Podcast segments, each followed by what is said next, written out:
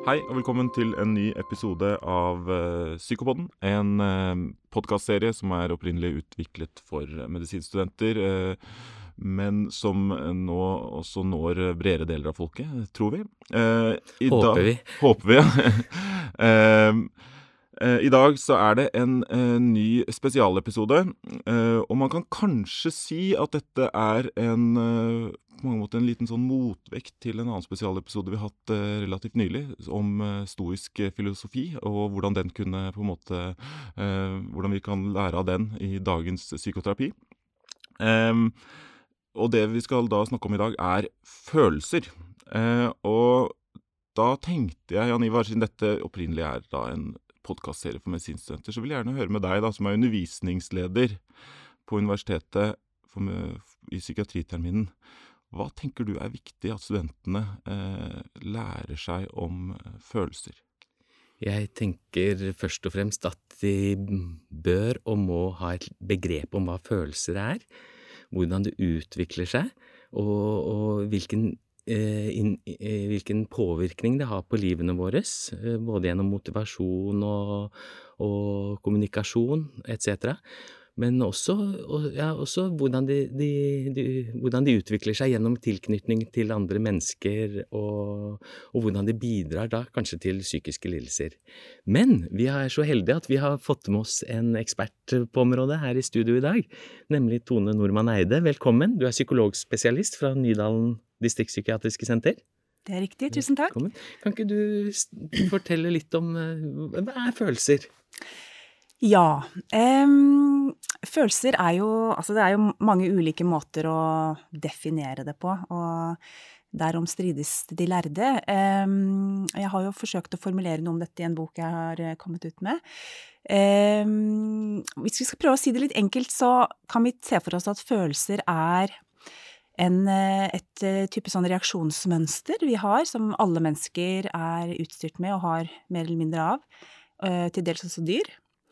Um, som da utløses av eh, hendelser eller triggere i omgivelsene eller inni oss.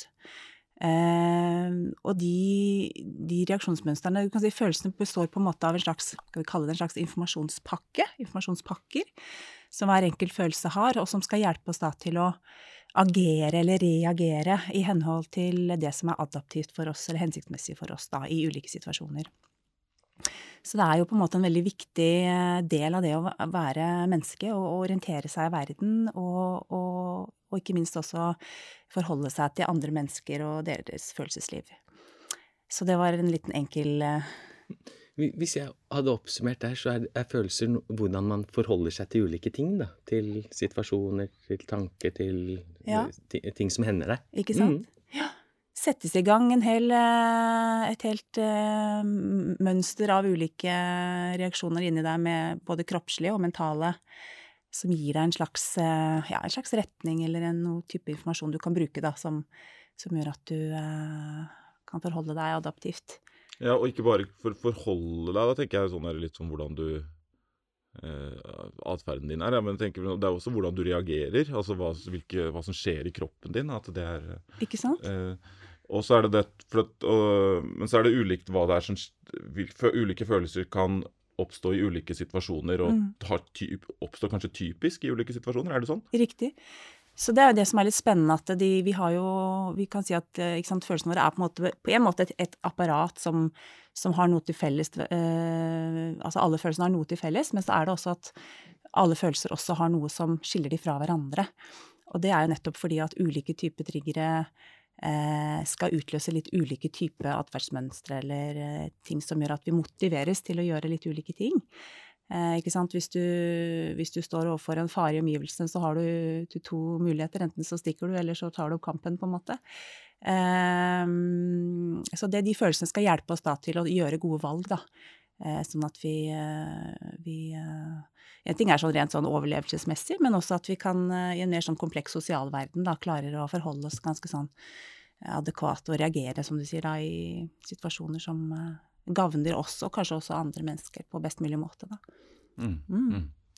Eh, og vi skal komme litt, jeg tenker vi får ta litt sånne eksempler og sånn etter hvert. Men jeg tenkte bare litt sånn å stoppe opp med hvorfor dette er Hvorfor er vi, følelser viktige i livene våre? Og du har nevnt motivasjon eh, flere ganger her allerede. ja. Men kan du kanskje dvele litt mer med det? Eh, Ja. For på hvilken måte er eh, følelser motiverende og retningsgivende i livene våre? Mhm. Så um, det er jo noen typer følelser som i større grad bidrar til den retningen, kan du si. Da en, en følelse som, som jeg i boka kaller for interesse eller iver eller engasjement, som er typisk sånn retningsgivende, styrer oppmerksomheten vår. Og det kan veldig mange følelser gjøre, fordi du, hvis du da trigges i en eller annen følelse, så, så, så blir du veldig fokusert på det som trigger deg. Sånn at den følelsen hjelper oss til å liksom um, holde oppmerksomheten, holde fokus og sette i gang eh, nødvendige reaksjoner, da. Um, og motiverer oss da til å gjøre for uh, ulike ting. Ikke sant? Hvis du er sint, så kan du motiveres til å sette grenser, uh, si nei, markere deg. Uh, hvis du er misunnelig, så kan du motiveres til å forsøke å få det den andre har, som du gjerne skulle hatt. ikke sant? Så det skaper på en måte litt også en, en slags mening i livene våre, da. At vi kan, at vi kan bruke de følelsene til å, til å oppnå ting vi vil ha og ønsker oss. Sånn, så, så når jeg satt, satt og så på ski-VM i går da, og Ja. ble engasjert i Klæbo, Ja. så på en måte fokuserer jeg der og legger vekk mobilen. Ja. Og sånn sett blir det da den, det engasjementet retningsgivende i forhold til min oppmerksomhet. da. Ikke sant? Og kanskje i beste fall så får du lyst til å ta deg en skitur etterpå for å, for å bli litt mer klæbo i livet ditt. Eh, så det er jo en veldig viktig, viktig liksom bestanddel av følelses... Eh, den pakka, da. Det er den motivasjonsaspektet. Ja. Ja, og, ikke sant. Men det, det andre, du, du, er, Ja. du er på vei inn på andre Ja. ting også. Ja. Nei, fordi eh, det som også er litt spennende med de følelsene våre, er at eh, det, det på en måte består av dette jeg sa, liksom informasjonspakker eller signaler. Det er noen signaler til oss som forteller oss noe om hvordan vi har det. Eh, og hvordan vi tar det, pleier jeg å si. ikke sant? Det er noe med hvordan, hvordan har jeg det i dag? Eh, og lytte litt til det. Sånn at det også kan hjelpe oss til å, til å ja, eksempel eh, sette grenser eller oppsøke hjelp hvis vi er triste, eksempel. At vi kan liksom kjenne etter at i dag er jeg litt nedfor, i dag tror jeg kanskje trenger litt trøst, jeg tror jeg skal ringe en venn. Um, så de signalene denne, som disse følelsene gir oss, det er veldig viktig informasjon, da. Uh, og også det å lese de signalene hos andre, og det er et tredje aspekt ved følelser, nemlig det kommunikative, som er en veldig viktig og stor del av uh, følelseslivet vårt, som som mange har også skrevet en del om, kanskje det som er mest på en måte kjent, at man, sant, man, har, et, man har masse ansiktsuttrykk som signaliserer hvilke følelser vi har. Vi har gråt, vi har stemmebruk, alt dette som, som gjør at vi kommuniserer, ikke bare verbalt, men også mye nonverbalt. Um, og det er jo en ting at vi på en måte blir kjent med hvordan vi sjøl uttrykker følelsene våre, men det er også det vi har å forholde oss til når vi skal forstå andre menneskers følelsesliv, da. I og med at vi ikke kan se tvers igjennom folk, så er vi litt avhengig av hva de viser oss og forteller oss.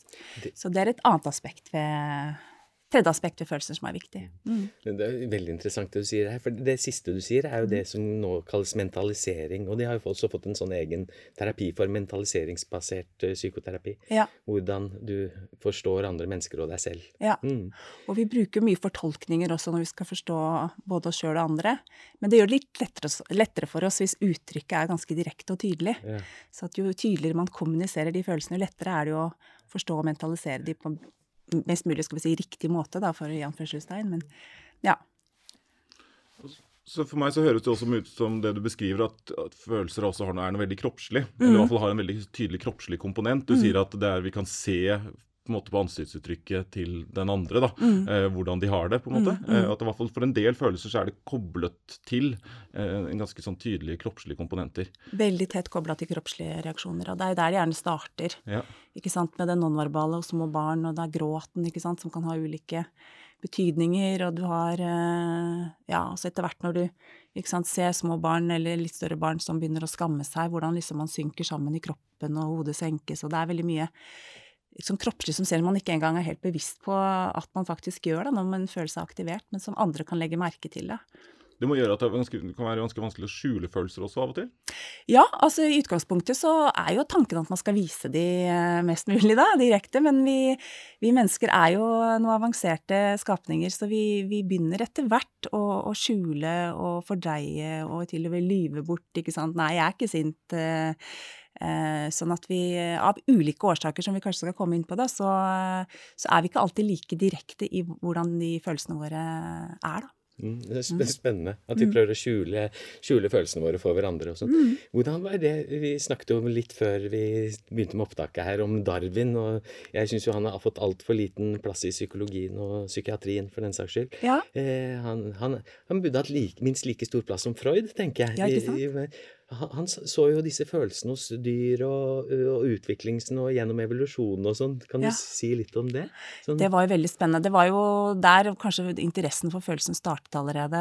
Og så hadde det en liten dupp ganske mange år etterpå. Så har det først nå i siste ja, 20-30-åra hvor det virkelig har fått et oppsving igjen, gjennom bl.a. litt nevropsykologi og, og sånn. Men i hvert fall Jo, Darwin han uh, var jo ute på disse reisene sine, da, og, um, og oppdaget liksom forunderlig at veldig mange av de følelsene som vi hadde i mer sånn vestlig kultur, de var jo helt identisk med, med det de hadde i andre fremmede kulturer hvor det ikke hadde vært noe kontakt.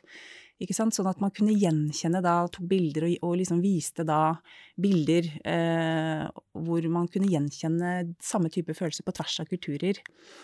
Eh, og det skrev han da en bok om eh, allerede i 1872. Eh, svært verk eh, om det, og det har vært på en måte en, startet en sånn lang forskningstradisjon på det med hvordan, ikke sant, apropos det kroppslige, hvordan ulike typer følelser har helt spesifikke kroppslige parametere eller eh, eh, mønstre da, som, eh, som, går igjen. Og det, rent sånn kroppslig, og også sånn ansiktsuttrykk. Så han, han var tidlig ute, han var pioner på feltet, vil jeg si. Mm -hmm. Eh, og veldig mye av det han forsket på den gang, er jo fortsatt eh, gjeldende. Så har det selvfølgelig vært mye diskusjoner i etterkant hvorvidt vi har akkurat de samme følelsene i absolutt alle kulturer. Men noen av de mest grunnleggende, de tenker man er eh, universelle. De er universelle, så universelle. det gjelder alle kulturer? Det gjelder på alle mm. kulturer, ja. Nå blir jeg litt nysgjerrig. Oppover mot dyr, da? Altså, ja. De har jo ikke sant, vi, På en måte så er vi jo fortsatt dyr, vi mm. mennesker. Og vi har, vi har noe av de samme uttrykkene eller kroppslige reaksjonene som dyr. Og det er jo helt sånn på det basale så er det jo ikke sant, det at følelsene skal hjelpe oss til å overleve og tilpasse oss. Så det vi typisk ser for oss hos dyrene, er jo den der fight-flight-responsen, som er kanskje noe av det mest primitive vi har på et vis, da. Mm. Som er ren, det er, det er vinn eller forsvinn, ikke sant. Mm. Enten så er du, er du, rovdyret som går til kamp, eller så er du byttedyret som må, må flytte, flykte unna, da. Og det samme, liksom, de der samme Eh, det er noe av de samme systemene vi har da, som dyrene, som setter i gang disse mulighetene vi har til å faktisk få de kreftene vi trenger til å kjempe eller til å flykte. Og de som har vært ordentlig sinte eller ordentlig redde, de veit litt hvor ekstremt eh, Hvordan kroppen nesten kan ta over. Og du kan få noen krefter du nesten ikke ante du hadde da. Eh, hvis du er i livsfare, f.eks. Eh, så fremt ikke du fryser til og blir helt paralysert, for det er en annen variant. men men, eh, så det er jo fascinerende. Og der, eh, der, er vi litt som dyr noen ganger. At vi, eh, det er noen av de samme systemene som settes i gang. Så fra 1872, når Darwin beskrev dette her for første gang, mm. så har vi de siste årene nå fått en sånn emosjonsrevolusjon. Jeg har sett flere ja. konferanser etc. Ja. Emotion revolution, ja. Fordi nå er jo, ikke sant, forskningen har jo kommet mye, mye lenger, og det er jo denne med nevropsykologi og sånn som har blitt veldig sånn veldig sånn blomstrende fagfelt. Eh, og så tror jeg også det at vi sånn i det kliniske også har savnet på en måte gode teorier, gode innfallsvinkler, teknikker for å hjelpe oss til å, til å bruke liksom følelsene mer aktivt i, i terapirom og se liksom den endringspotensialet som ligger i et sånt fokus. Så det er den Emotional Revolution handler liksom mye om det at vi, vi er mye mer bevisst og blitt mye mer sånn skolert i å, å bruke det som innfallsvinkel, da, som viser seg å ha veldig gode, god effekt da, for mange. Mm. Yes, Så dette er de, måte, de grunnfølelsene, eller, eller, sånne primære grunnfølelser som Darwin særlig var opptatt av. da, eh, ja. Som vi deler, menneskene deler med eh, pat, de andre pattedyr, egentlig. Og ja. da er vel sånn som jeg har forstått det, så er sinne, glede, tristhet eh, frykt, Frykt. i hvert fall. Ja. Eh, Avsky. avsky. ja, Mm. Og man kan jo, Når man hører disse ordene, så kan man liksom tenke seg på en måte ansiktsuttrykket som er koblet til de. Ja. Eh, og kanskje også den aktiveringen du ellers kjenner i kroppen eh, Mm. når du er glad eller sint. Eller. Mm. Så det kan man jo forestille seg at det er ganske gyldig. Eh, Ja. så, men så er jo vi mennesker da også eh, mer komplekse enn som så, da. Ja. Eh, og det gjør jo at vi også har på en måte, du vet Det du i hvert fall omtaler, det er sikkert ikke du som omtaler det, men andre. altså sosiale, Mer sosiale følelser. ja. Eh, og hva, hva er Hvor er vi Kan ikke du prøve å liksom Hva er det for noe? Ja, hva er det for noe? Ja. ja, så de primære som du nevnte nå, som vi alle, alle har, og som har kanskje i større grad veldig tydelig kroppslige eh, uttrykk og ansiktsuttrykk, eh, som vi har til felles med pattedyrene. Ja, og så de sosiale eller kulturelle eller relasjonelle følelsene, om du vil. Eh, det er jo spørsmål om om dyr også kan kjenne skam, for eksempel. Men, men man tenker at det kanskje er en mer sånn spesifikk menneskelig følelse, fordi vi fødes jo inn i en eh, familie og en kultur hvor vi etter hvert eh, lærer oss til å forholde oss til andre mennesker, sammenligner oss, eh, lærer oss eh, normer og regler. Eh, og der også har vi følelser som hjelper oss til det. Eh, å, forholde oss til en litt mer sånn sosial kompleks verden. Eksempel eh, hvor skyld og skam eh, Jeg skriver om misunnelse, sjalusi. Veldig sånn relasjonell, kraftfull følelse som kanskje består av flere følelser, men som også har sitt helt spesifikke liksom Ja, informasjonspakke, som jeg sier, da. Ja, så de følelsene er eh, Og ofte litt mer subtile, ikke sant. For det er ikke alltid så lett å, å se. Apropos mentalisering, som du nevnte, Jan Ivar, med sjalusi er en sånn følelse vi ofte bruker i behandlingen som et eksempel på når vi har en mentaliseringssvikt, ikke sant. Fordi sjalusien kan liksom rive, rive oss av gårde, og vi kan begynne å forestille oss ting som ikke er reelle. og og sånn. Um, så har mange av disse sosiale følelsene er kanskje i større grad mye mer sånn mentale eh, forestillingsbilder og mye mer sånn erfaringsbasert på det relasjonelle plan, da. Um, så der er vi, der er vi liksom litt mer prisgitt eh, våre fortolkninger eh, av situasjoner. Um, og så kan det være mye mer sånn sammensatt og vanskelig å, å forstå. Og, og ofte de følelsene hvor det også kan eh, bli komplisert da, i relasjoner til andre. Og de kan også være veldig sånn hemmende, sånn som skyld og skam. og tilsynelatende mange lurer på liksom, hva skal vi med de følelsene. Det har jo også vært en diskusjon i forhold til skam nå, som er smertefull og vond. Hva skal vi med en sånn følelse? Jo, det handler jo også om en tilpasning, da, at man må også kunne justere seg inn. Eh, jeg vil liksom nevne eksempel nå hvor vi har disse koronatiden vi står i nå med kan tenke oss Hvis vi da ikke hadde hatt disse sånn hemmende følelsene, skyld, skam Det er jo noe av det som gjør at vi evner å, å være med på denne dugnaden nå, er at vi vil ikke gjøre noe som skader andre mennesker. Vi vil på en måte oppføre oss og, og tilpasse oss eh, det vi får beskjed om, ikke sant. Og, og sånn at de følelsene er utrolig viktige. Eh, som, at vi skal fungere sammen som, som samfunn da, og, og kultur. Så, så det er, eh, de har også en veldig viktig funksjon, men på et litt mer avansert nivå, kan man si, da. Mm. Mm. Kjempe, nå får vi dratt inn pandemien også. Ja. Eh, Men eh, det er jo veldig bra. Men jeg tenker på skam eh, Mhm. er det jo veldig mye om i media nå. Ja. Eh, altså, og noen ganger så leser jeg ja, men skam er en eh, følelse, den må vi ha, den kan rettlede oss, som du litt sier nå. at Mhm. den er. Men andre forfattere kan si ja, skam, den må vi kvitte oss med. Det Ja. har ingen hensikt i det hele tatt. Ja, Men den har jo overlevd evolusjonen, da, i hvert fall. Ja, og kanskje vi må skille litt på den litt mer sånn som jeg sa nå, som er litt mer sånn den kulturelle skammen, den som handler om å tilpasse oss, det at vi ikke blamerer oss og tar altfor mye plass og sånn at vi kan Ikke sant. Så det er en, en sånn den positive versjonen av det i doser, at vi alle trenger den følelsen. Altså det, det skamløse er aldri veldig sjarmerende eller veldig hensiktsmessig for en kultur. Eh, men så kan du si at i det, mer i det kliniske, eh, der opplever vi, jo pasienter som er, sant, som bader i skam, og som er helt sånn overveldet av det. Og har, det, hvor det er blitt en veldig sånn hemmende og smertefull følelse som er overdrevet og blitt usunn. Den fungerer ikke lenger som den skal. Eh, men den er bare smertefull. Og den skammen vil vi jo forsøke å, å jobbe oss ut av. Mm. Ja, og da får jeg assosiasjoner til dårlig selvfølelse. Mm. Eh, at det er, liksom, det er en del av en sånn mm. Ofte en del av en sånn pakke, da. Ja. Eh, kan, og det er jo et, kanskje et begrep som er verdt å dvele bitte litt ved. og ja. Det med selvfølelse. Ja, ja, når Ja. du er inne på dette med hva skal man si, iallfall når følelsene på en måte kanskje har antatt proporsjoner da, Mm. eh, som er uhensiktsmessige. Mm, mm. Eh, og oftest da som gjør at folk søker hjelp i terapi, er jo ofte da pga. selvfølelsesproblematikk. da. Ja. Eh, og da sier du at skam kan ofte være en sentral følelse. Er det andre følelser som på en måte ofte dominerer da hos de med dårlig selvfølelse? Ja, altså skam er helt klart um, ofte dominerende, ikke sant. Den følelsen av å være lite verdt, at jeg ikke strekker til, at jeg er udugelig. Eh, alle andre er bedre enn meg, jeg er underlegen alle andre. Alle, alle sånne typer forestillinger tenker vi er liksom skamrelaterte, da. Eh, og så har du skyld som er veldig liksom, tett kobla opp til det. Hvor man er så livredd for å gjøre feil at man ikke tør å liksom, bevege seg ut i verden, eller at man hele tiden er redd for å få kritikk og få kjeft, og, og blir veldig sånn hemmet og veldig sånn overtilpasset av alle andre. Det vil være en, eh, en del av en sånn selvfølelsesproblematikk. Og så er det jo også kanskje fravær av noen følelser, da, som er eksempel sinne, selvhevdelse.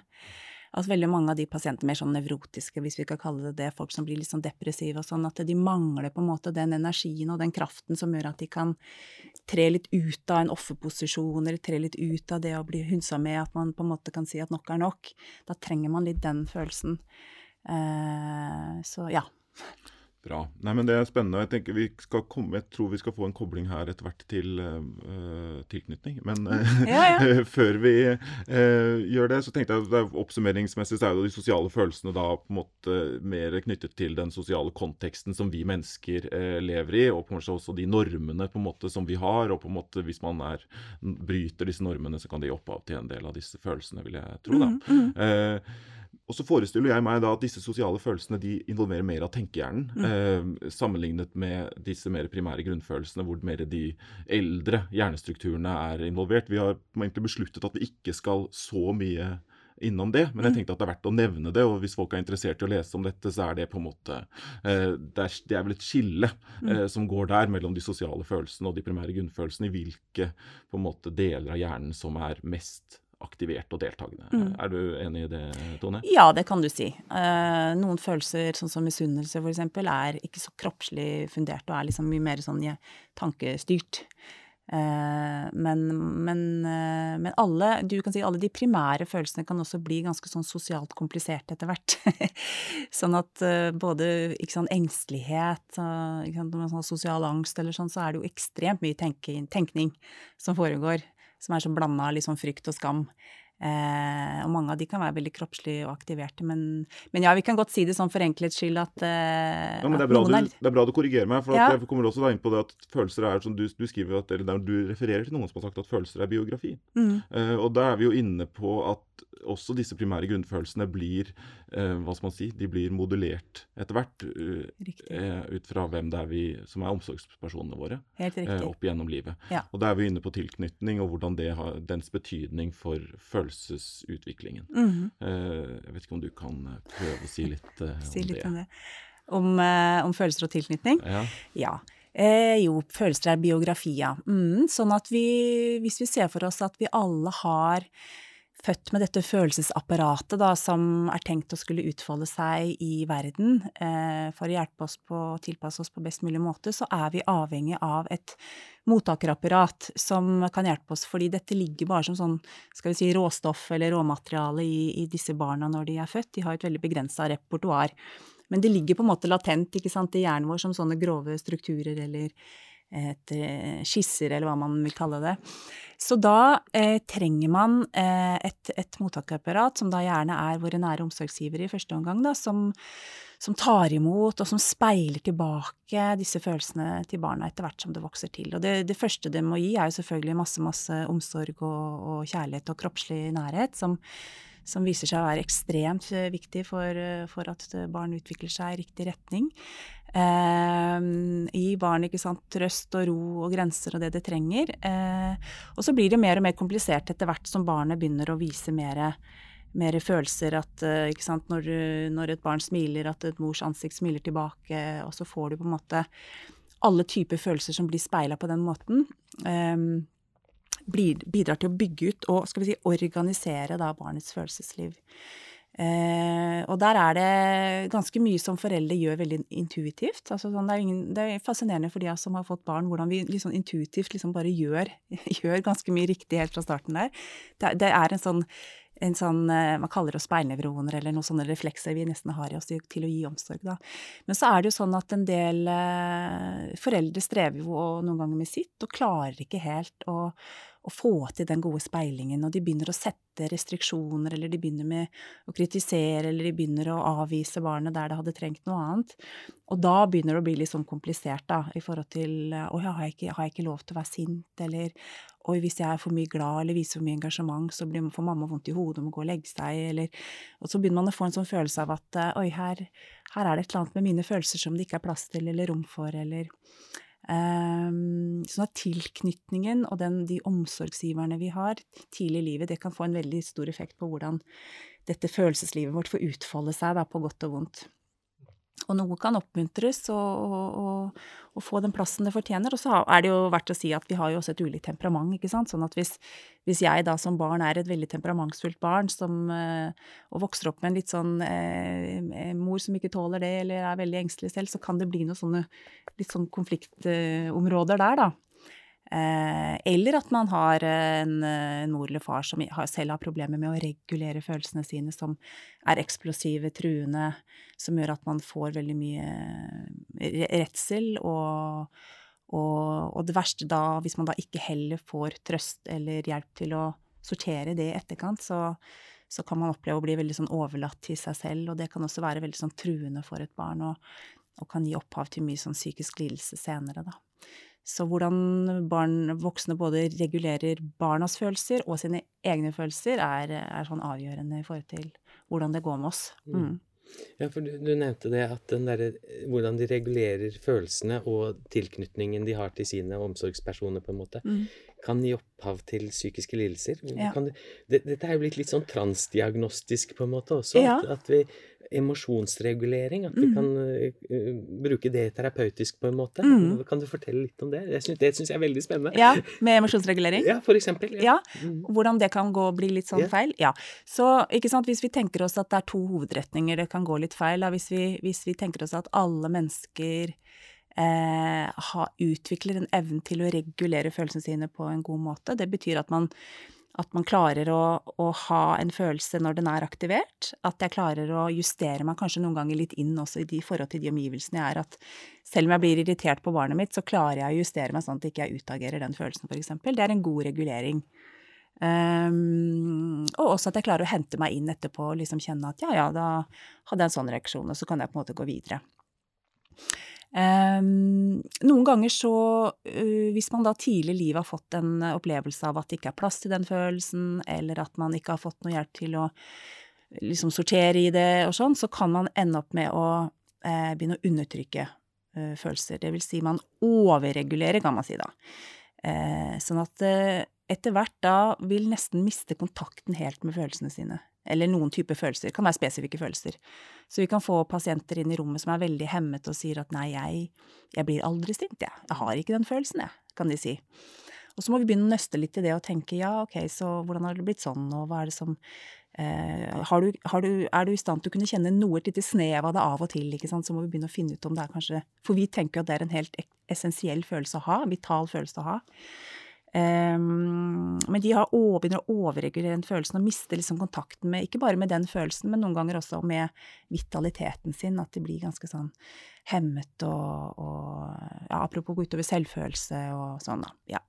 Så det vil være overreguleringen. Og så har vi noen som vi kan si veksler litt mellom over- og underregulering, eller som blir veldig fort overveldet av følelsene sine. Eh, de strever også med reguleringen, for de kan bli så trigga i en følelse at den kommer helt ut av kontroll veldig raskt. Eh, og hvor følelsene på en måte tar helt over. Og dessverre er det litt sånn en misforståelse at noen tror at det er det som er å være sint. At hvis jeg er sint, så på en måte da utagerer jeg, roper og skriker og slår. Eh, men det tenker vi er en Da er du uregulert. Da har du mista kontrollen på følelsen. Da, mista, kan man ikke hjelpe deg til noe lenger. Eh, og du kan til og med ende opp med å skade folk og skremme folk rundt deg. Så det er absolutt ikke en hensiktsmessig måte å ha en følelse på og miste kontrollen på den. Eh, sånn at noen mennesker mister kontrollen på følelser. Da vil jobben være litt annerledes. Da vil jobben være å hjelpe dem til å på en måte komme litt sånn innafor det vi kaller et sånn toleransevindu, hvor man skal prøve å identifisere triggere og liksom litt sånn, være litt mer sånn varsom på hva er det som må passe meg for nå, og, og når er det riktig å liksom holde litt tilbake. Mm. Så terapeutisk, da, så driver det Nå kommer vi jo over i terapien, så prøver du å gjøre de bevisste på de ulike følelsene, da. Ja. Mm. Både hvilke følelser, men også liksom hvordan Sånn som jeg jobber mye min, der jeg har praksis, at man, at man En ting er den bevisstgjøringen, at du enten kan øve opp evnen til å begge disse, både de som under- og overregulerer, trenger egentlig hjelp til å tolerere. Være oppmerksom på å tolerere de følelsene de har. Bli kjent med de litt på nytt, på en måte. Um, og også skjønne liksom poenget med dem. Altså hvorfor skal jeg ha en sånn følelse når den egentlig kjennes litt vond, eller jeg klarer ikke, sant, få brukt den til noe. Hva, hva, skal jeg med følelsen? Og eh, ikke minst da, hvordan virker jeg på andre når jeg er sånn eller sånn? For det, det, det, smitter litt, og man kan få reaksjoner rundt seg som man ikke heller forstår helt. Så det at man har den bevisstgjøringen og forstår mer eh, hvordan det virker på meg, hvordan det virker på andre, det en, kan være en viktig del av en litt lengre tidsterapi, da. Mm. Mm. Så dette toleransevinduet er jo veldig måte, sentralt eh, i, all, i, veldig mange terapier. eller i hvert fall Jeg tror veldig mange pasienter som kommer til terapi, de vil være innom toleransevinduet. Mm, -hmm. og det, det handler vel da om å kunne tenke og føle samtidig. Er det ikke ja. veldig sånn enkelt sagt? Helt riktig. Og da, du nevnte jo mentalisering. ikke sant? Det er litt det samme prinsippet at eh, det er der vi fungerer optimalt. Vi må ha en viss følelsesmessig aktivering, fordi hvis vi er helt flate, da er man mer sånn depressiv i funksjonen. Da får man ikke utrettet så mye. Så det må være litt aktivering, men ikke så mye til at man mister tenkeevnen. Så det å klare å kjenne at Oi, nå er jeg faktisk litt irritert her, eh, Jan Ivar. Jeg kjenner at det var litt dårlig gjort at du stakk av med Ikke sant? Um, men jeg klarer å verbalisere det og uttrykke meg på en måte som gjør at du kan ta det imot, at det, blir, at det blir forstått. Men du blir ikke skremt, men du skjønner at dette mener jeg, på en måte. Det vil være en god måte å liksom gi uttrykk for den følelsen på innafor mitt vindu, og som du kan ta imot, da. Så, så, det å tenke og klare å kommunisere på en adekvat måte, det henger veldig sammen, da. At jeg klarer å tenke om meg sjøl og mine følelser, og jeg klarer å, å, formidle det på en måte som andre kan ta det imot, da. Mm. Mm. Og, og, og, når man har havnet utenfor dette vinduet, så er det ofte fordi at det, det har ikke vært rom for de følelsene i møte med tilknytningspersonene i, tidligere i livet. Er det riktig å, ja. Er det, det sånn ofte man tenker, eller? Ja, ikke sant. Og at eh, hvis man ikke har fått Hvis man også f.eks. har vært veldig mye skremt og redd og overlatt til seg sjøl, så kan disse følelsene oppleves veldig sånn kaotiske. Og så mange som sier at når de mister kontrollen på følelsen, så er det på en måte ikke det er ikke en følelse lenger, det er bare kaos. Eller det er bare panikk, eller det er bare et blindt raseri. Sånn at det er det er nesten ikke en følelse lenger, da. Så, så de trenger å liksom finne litt tilbake til den opprinnelsen og få hjelp til å liksom bare bli kjent med at dette her er en sånn, en sånn type følelse som du kanskje ikke har blitt møtt på, da. Og at den faktisk kan hjelpe deg til noe, betyr ikke at det må bli kaotisk eh, hver gang. Um, ja. Mm. Ja, ja, nei, ja det, er, det, er, flere ting jeg sitter og lurer på nå, Erlend. Mm. Han, han, gir meg ordet her, skjønner du. Ja, ja. det, for, det, for, det, første er uh, dette med følelser som jeg får litt sånn inntrykk av at de, de bare kommer. ikke sant? Vi har ikke noe kontroll over det. De, de er litt, litt, før tankene, sånn jeg forstår deg på en måte nå. Mm. Og det er jo en sånn gammel diskusjon. Kommer tankene først, eller kommer følelsene først? Det er en gammel sånn ja, ja, ja. konflikt i hermetegn mellom eh, kognitive terapeuter og psykoanalytiske, psykodynamiske terapeuter. Mm. Har du noen tanker om det? Ja, jeg, jeg, har ikke lyst til å være så rigid på det heller, kanskje. Mm. Å si at det ene, det ene utelukker ikke det andre. Altså, sånn, det, jeg tror noe, det kan gå litt begge veier. Mm. Jeg tror man kan fint tenke seg inn i en følelse. Eh, at man har tanker som, som, kan utløse følelser. Men, eh, men, vel så ofte så, ja, så er jeg nok heldig nok til å tenke at ofte så det er liksom noe med hvordan vi er organisert rent sånn hjerneorganisk også, at det er kroppslige ikke sant, Fra naturens side vi, mm. vi er jo ofte kropp først, yeah. og så eh, følelser, og så tanker, på en mm, måte. Så er mm. liksom den bevegelsen er liksom mm. det naturlige. Um, men at det også noen ganger kan føles ut som det oppstår helt samtidig. En tanke og en følelse som er liksom Så jeg er ikke så opptatt av kanskje hva som kommer først, men man må på en måte anerkjenne litt begge deler. Det tenker er i hvert fall viktig, er jo at uh, pasientene våre, når de kommer til oss, så er det jo følelsene de kommer for. Mm. Altså, de er triste, de er lei seg, de er engstelige. Ja. De kommer ikke fordi det er noe feil med tankene mine, på en måte. Nei. Ikke sant? Eller, ja, de kan gjøre det òg. Ja, Men da, ja, og ikke sant, noen er jo veldig, veldig tankestyrte. Ja. Og da, Jeg er jo også litt sånn dynamisk skolert, ikke sant? så tanker, altfor mye tanker og grubling og sånn kan jo også oppleves som noe som kan komme litt i veien for følelser. Ja. Og da vil det noen ganger være kanskje nyttig å liksom etterspørre litt så ok, men hva er det som ligger bak, eller hva er det som trigger den type tankevirksomhet i deg? Kan det være noe følelsesmessig som du ikke har kontakt med? Det vil være én Mm. måte å liksom nærme seg det på. Jeg skjønner det, men jeg har aldri, jeg har aldri hatt noen pasienter som kommer fordi det er noe feil med tankene mine, eller det er noe grubling eller sånn. ja. Er det det? Ja, Ja. Jeg grubler for mye. Ja. Da, det er det. Har du aldri opplevd det? Nei, ikke tror jeg ikke. De sier heller at de er triste, lei seg, Ja, sånn, engstelige. ja. Og at de gjør ting. De sier ikke at eh, jeg tenker for mye på det. Det, for, det er for det er følelsene de kommer for ofte. Ja. Er det det? Er jeg er sikkert litt både òg. Ja, altså, ja, folk sikkert. kan komme for mye rart. Og noen ganger så kommer de for noe de De vet ikke hvorfor de kommer engang. De bare har det vondt. Kan jeg ta bort den der? Ja. jeg trekker den. Ja.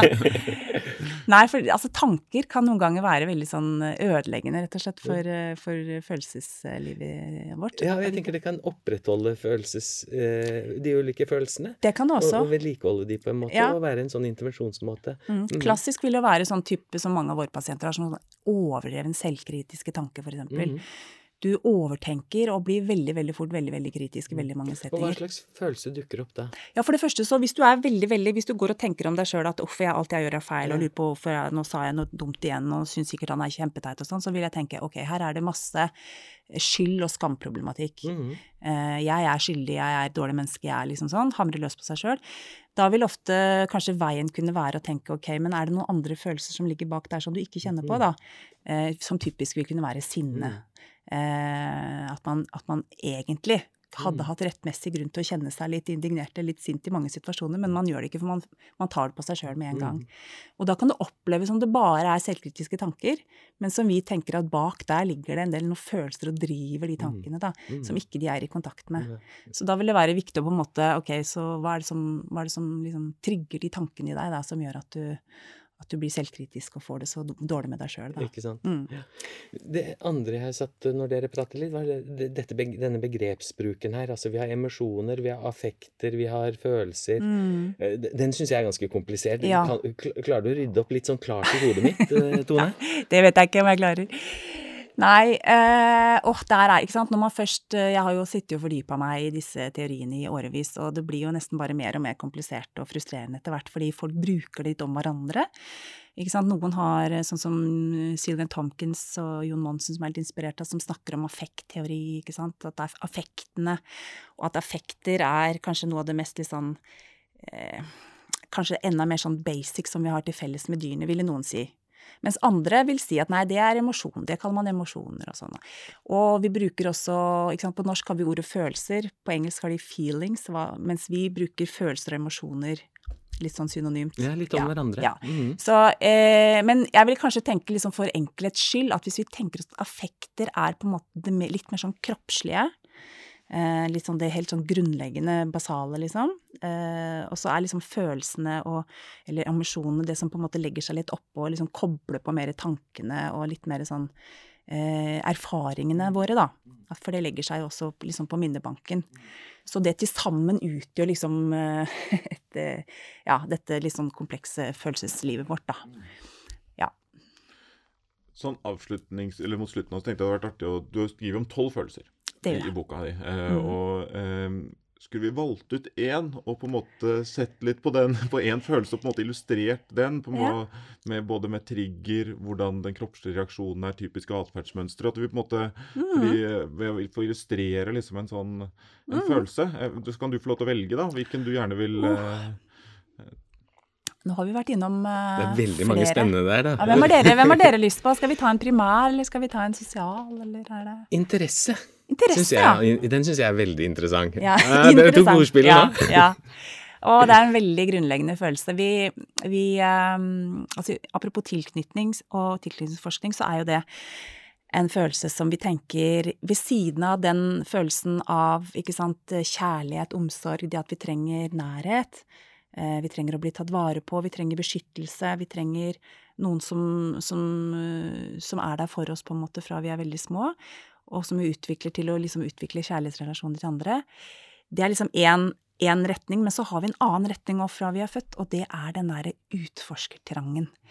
Det at vi, og det har vi jo på en måte til felles med dyr òg, den der nysgjerrigheten, det at vi beveger oss ut i verden og vil oppdage hva er det som rører seg der ute, eh, hva er det som rører seg i meg, hva er det som rører seg i mennesker, det er jo den følelsen som gjør at vi eh, utvikler oss, altså mentalt, kroppslig, på alle mulige måter, gjør at vi lærer ting, gjør at vi mestrer ting. Eh, det at vi har tatt en eller annen utdannelse, mange altså medisinstudenter eller andre, som liksom Det er en eller annen drive der som du er helt avhengig av for å på en måte komme deg, utvikle deg i en eller annen retning, da. Så den er så grunnleggende i oss. Og vi tenker kanskje ikke over det, fordi noen tenker at det er på en måte en slags tankemessig følelse, men det trenger en motor òg. Det trenger noe som liksom setter deg i gang om morgenen og får deg ut den døra. Liksom. Det er ikke alltid like lystbetont, kanskje, men, men eh, Så det kan både være en følelse som eh, gjør at du er i stand til å fordype deg og konsentrere deg over lang tid med noe, fordi du veit at det kanskje er et mål i andre enden der.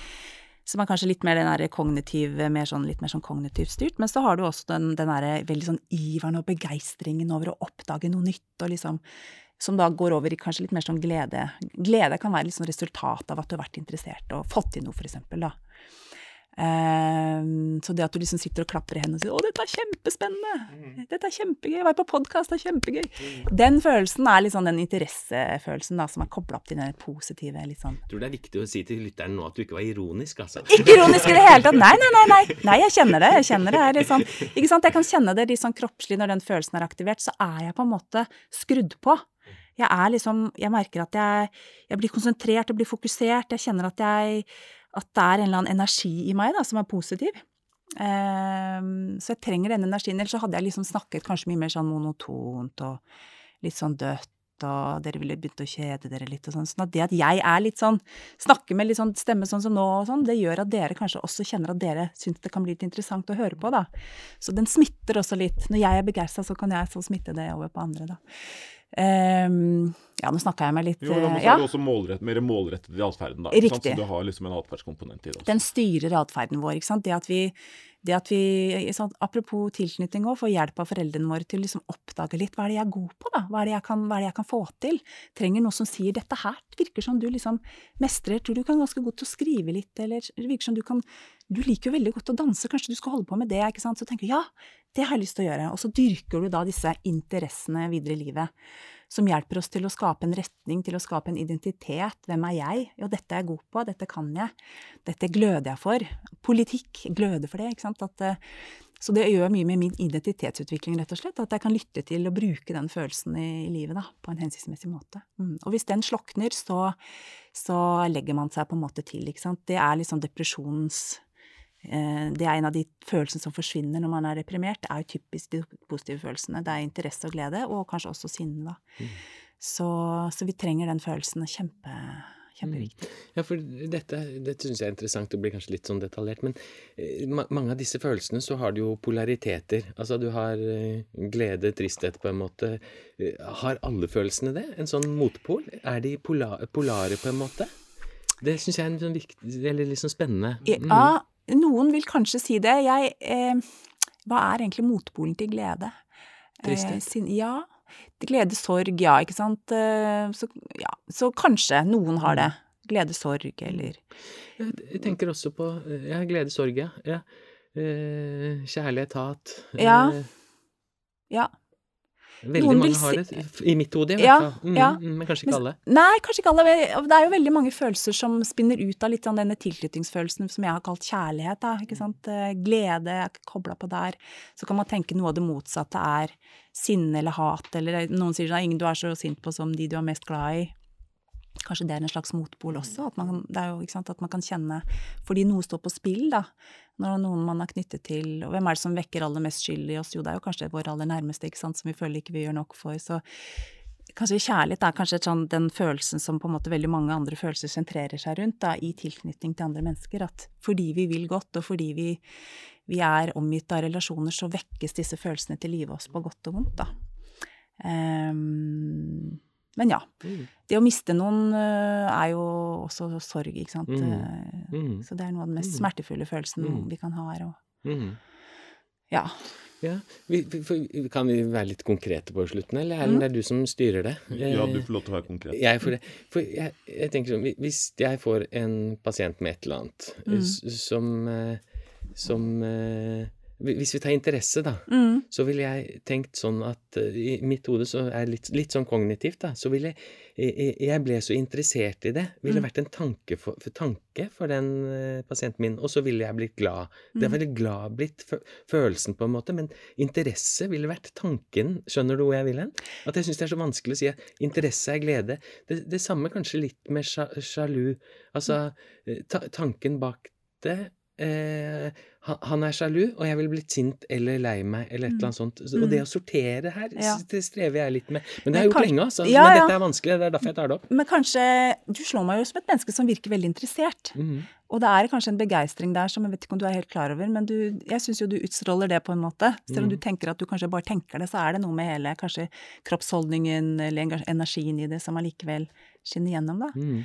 Ehm, og at det kan trigge glede. Men så er det, sant, det er grader. Noen, noen av oss er jo, sant, har mye energi og mye sånn, kjenner mye sånn kroppslig aktivering. Mm. At vi har følelsen litt sånn utapå kroppen. Mm. Mens andre er jo mer litt sånn nøkterne og mer Mm. sånn Tenker seg kanskje mer fram til ting. Eh, så kanskje du er litt i den kategorien, jeg vet ikke. Men jeg skal love deg, hvis de som virkelig har kjent ordentlig sjalusi, Mhm. der er det mye kraft, altså. Og mye krutt. ja. Sånn at eh, Ja. det er en følelse som ofte er Mm. veldig kroppslig Mm. og veldig sånn intens for mange, da. da. -hmm. Men da eh, men, men, så, men så hvis man bare er litt, så kanskje man mer sånn kan tenke det, så kan man kanskje kjenne bitte litt Hvis man kjenner etter en liten sånn uro, en liten sånn Begynner å bli litt sånn urolig her. Mm. Hva er det han egentlig holder på med ute på byen Mm. der? eh, Kommer ikke hjem, ringer ikke, ikke sant. Så begynner tanken å spinne litt. Og så kan liksom det kroppslige kanskje aktiveres mer og mer, da. Mhm. Mhm. Så eh, ja. Det henger i hvert fall veldig godt sammen. Henger veldig sammen. veldig- Ja. Mm. Siste spørsmål. ja. Jeg har også et siste spørsmål. Ja, ja. Er det store kjønnsforskjeller i uh, følelsesapparatene våre? Mm. Ja, altså rent sånn fra naturens side så har vi jo noen sånn hormonelle forskjeller, ikke sant. At, eh, at menn har mer testosteron og har kanskje mer kraftfulle uttrykk. eh, Kjenner mer f.eks. på en følelse som sinne, da. Eh, og sjalusi og Men jeg tror nok i bunn og grunn at altså, vi har alle det samme repertoaret. Eh, og det er veldig sånne store forskjeller innad i, i gruppa, i, de som har det samme kjønn nå, ikke sant. At eh, vi har mange eh, sinte damer hos oss og mange hemma menn, ikke sant. Sånn at det er Jeg er, litt, jeg er ikke så opptatt kanskje av, at, eh, av forskjellene, men mer i likhetene. Men ja, noe er det nok fra, fra naturens side at vi eh, På det rent kroppslige. Men jeg har ikke noe tro på at uh, menn er mer sjalu enn kvinner, eller at uh, kvinner har mer skyld enn menn. Eller mer altså nei, jeg tror, uh, jeg tror nok det er noe hvert fall vi alle har potensial til å ha like mye av. Men så kan det være kulturelle påvirkninger som gjør at sant, det man har sagt at ja, det er lett, menn kan få lov å være sint, men ikke kvinner. du skal, ikke sant. Så kulturelt sett så kan det nok være ganske store forskjeller mellom kjønnene. Men fra naturens side så tror jeg kanskje ikke det er så stort som man skal ha det til. Mm. M- Mitt siste spørsmål gikk med på Nå har vi snakket så mye om følelser, og noe av det studentene lærer en del om, er jo motoverføringsreaksjoner. Ja. Altså hva slags uh, reaksjoner som vekkes i dem som terapeuter og leger. Da. Mm, mm. Eh, og hvordan bruker du dine følelser i terapien? Eh, Ah, masse. Ja. Masse. Nei da. vanskelig spørsmål på slutten. Ja da. Nei, men eh, jeg tror det er viktig, ikke sant, det at, eh, at det er et eller annet vi skal lære gjennom disse lange utdanningene våre, så må det også være at vi må være Vi må trene oss opp og bli ganske bevisst på disse følelsene våre, også for å være klar over eh, hvem og hva som trigger oss i terapirommet også. Sånn at ikke vi begynner å agere for mye på de motoverføringene, som du sier da. ikke sant? Hvis det eksempelvis kommer inn en eh, pasient som, eh, som klager over all den dårlige behandlingen hun har fått, og du kjenner at du blir sånn kjempestressa om å begynne å hjelpe vedkommende eh, så fort som mulig. Du blir en sånn skyldbetynget ute av at du egentlig har startet terapien. Um, være litt klar over at hm, her må jeg på en måte holde litt igjen og sortere litt i og prøve å tenke hva er det den pasienten gjør med meg nå som gjør at jeg blir så stressa og setter opp ekstra timer, eller Ja, eller hva den vil si til deg, kanskje? Ja, Mm, mm. det, er, det er noe misnøye der, og, Mhm. og det kan kanskje handle om noe i den pasienten som ikke jeg må nødvendigvis agere på, da. Eller at jeg typisk blir sånn irritert over noen som sitter og ja, klager mye, ikke sant. At jeg kjenner at ok, nå må jeg liksom ikke agere for mye på det, og får tanken om at nå må du ta deg sammen, ikke sant. At man, det er jo helt naturlige tanker at man kan få. Mm -hmm. Men så er det noe med hvordan jeg håndterer det uten å liksom skyve det tilbake, da. Mm -hmm. eh, ta det imot, og kanskje til og med kunne si, jeg lurer på om du Eh, jeg lurer på hvordan vi skal få gjort det annerledes her hvis du har hatt det veldig dårlig i andre terapiforsøk. Hva er det vi kan gjøre annerledes her? Hvordan, kan, hvordan tror du jeg kan hjelpe deg på en måte som gjør at dette kan bli bra for deg? Og så kan jeg liksom legge det litt tilbake, da. Um, ja, det er masse eksempler på ting hvordan vi og jeg tror veldig mange av oss eh, går litt inn i sånne motoppføringsreaksjoner, og så oppdager vi litt etterpå at oi, der Dette var det. Der, mm. der pipla det ut et eller annet. Mm. Og da viktigste vi gjør det, er å komme tilbake og si vet du hva, jeg lurer på om jeg blei jeg merket nesten ble litt sånn irritert sist gang. Jeg, jeg tror kanskje du også merka du det? Ja, jeg merka det. Ja, ikke sant. Beklager det. Og, mm. Så kan man liksom ta det litt tilbake, da. Ta litt ansvar for det. Mm. Det er i hvert fall bedre enn å late som. Mm. Ja. Mm. Så mm. Ja, og det er ja, nei, interessant eh, avslutning. Jeg tenker at det som skjer i terapirommet, er jo eh, hva skal man si, ofte reproduksjoner av det som har skjedd tidligere i livene til eh, de som kommer. Ja. Uh, så det er jo da, hva vi kjenner på da, er jo selvfølgelig kjempeviktige signaler. Absolutt. Hvordan de har, Apropos dette med å kommunisere med andre, og Mm. kanskje også hvordan følelser kan på en måte gi vanskeligheter i kommunikasjon med andre. Mm. Mm. Så det er en viktig avslutning. Og jeg tror han eh, psykoterapiveilederen jeg hadde for noen år siden, han sa at det er materiale. ja, det du, det du kjente på der. Ja, ja. Det skal du ta med deg og på en måte tenke litt over. Og kanskje nettopp det at det kommer litt sånn i etterkant. For så, Mm. okay, ok, ja, hvordan skal jeg på en måte egentlig forstå dette? Mm. Ikke sant? Ja. Mm. Ehm, det tror jeg vi må tror vi skal avslutte, ja. denne- Jeg har ikke lyst, jeg heller. Nei, Det er så mye vi kunne Men vi snakket kunne om. jo hatt en egen episode om følelser i terapirommet. Eh, Ja. Ikke sant? Det kan vi jo tenke på. Eh, Ja. Eh, jeg tror oppsummeringsmessig så tror jeg vi er i hvert fall blitt mye klokere om følelser og hva det er, og hvorfor vi har de, og kanskje sentral, sentrale elementer, altså tilknytningssentrale eh, funksjon i utviklingen Mm. eh, av eh, følelser. Kan det, bare, men ting som jeg tenkte å nevne der, er jo at dette er tilknytning skjer uendelig tidlig. Mm. Det sa vi ikke noe om. Mm. Men dette skjer fra eh, altså, masse i første leveår. Eh. Så det er viktig å nevne eh, Mm. her, tenker jeg, som vi Mm. ikke fikk sagt. Mm. Eh, Det var veldig fint å ha deg med, Tone. Du har skrevet da en lærebok som heter 'Følelser. Kjennetegn, funksjon og vrangsider'. Kom ut i fjor. Jeg har lest den. Det er veldig bra. Eh, anbefales eh, til interesserte studenter og andre. Jeg tenker at dette temaet er jo gyldig for, eller interessant for alle mennesker. Takk også til deg, Jan Ivar Østberg, professor eh, på Universitetet i Oslo. Jeg heter Erlend Strangasjord og er psykiater på eh, Oslo universitetssykehus. Og bak spakene så har Morten Skoglund for, fra seksjon for medisinsk informatikk sittet. Vi høres.